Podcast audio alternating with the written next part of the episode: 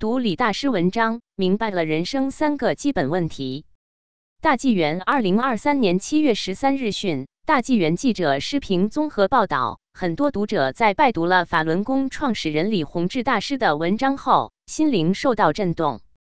有人说，李大师的文章回答了每个人心中的基本问题，涉及到了所有宗教的基本信条，在最高的神之下，全人类作为兄弟姐妹都是相连的。多数人在留言的最后都会写下感谢的话，他们未能在这里看到李大师的教导而感谢大纪元。人们希望应有更多的人能够看到他的文章。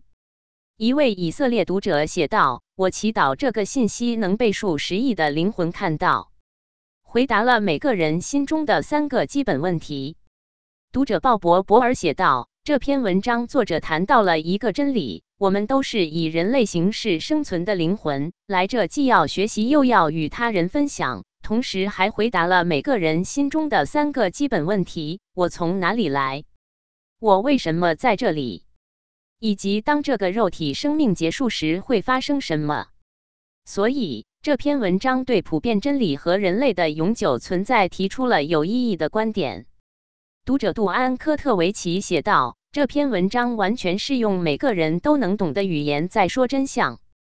一名未署名读者写道：“我今天读了这篇文章，极具洞察力，涉及到所有宗教的基本信条。”读者卡伦·戴雷写道：“虽然我有基督教信仰，但这篇文章对我来说很有意义。我发现文章绝对令人着迷，而且鼓舞人心。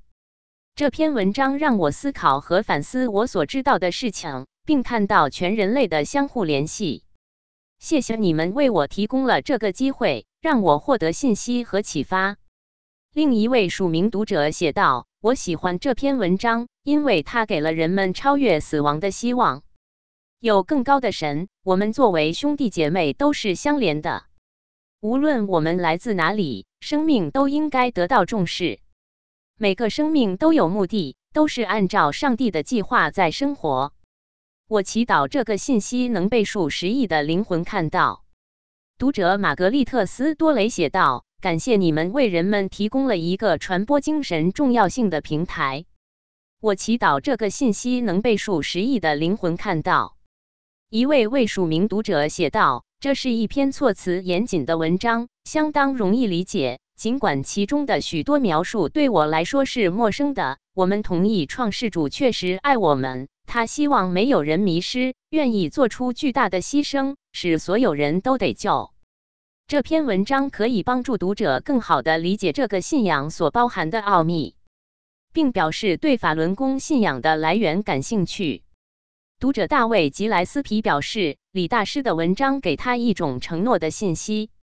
我相信这是一个真正的范例，展示了在面对真正的压迫时需要的信仰、力量和决心。这是一个光荣的榜样，任何人都应该自豪地支持这一信仰。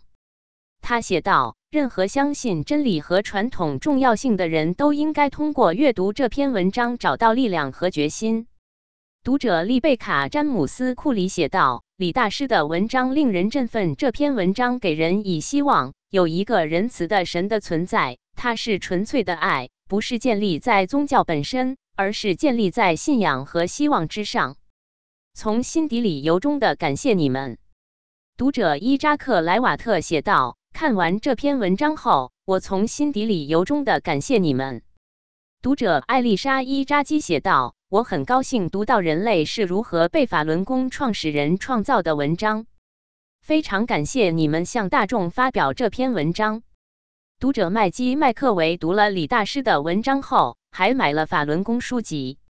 我发现这是修行爱。宽容和宽恕的方法，加上身体的练习，增强身心宁静和平和的冥想，这门功法可以帮助人类成为更好的人。他写道：“谢谢你们分享人类表达自己的另一种方式，请继续继续。”大纪元时报，你们为大家做得非常好。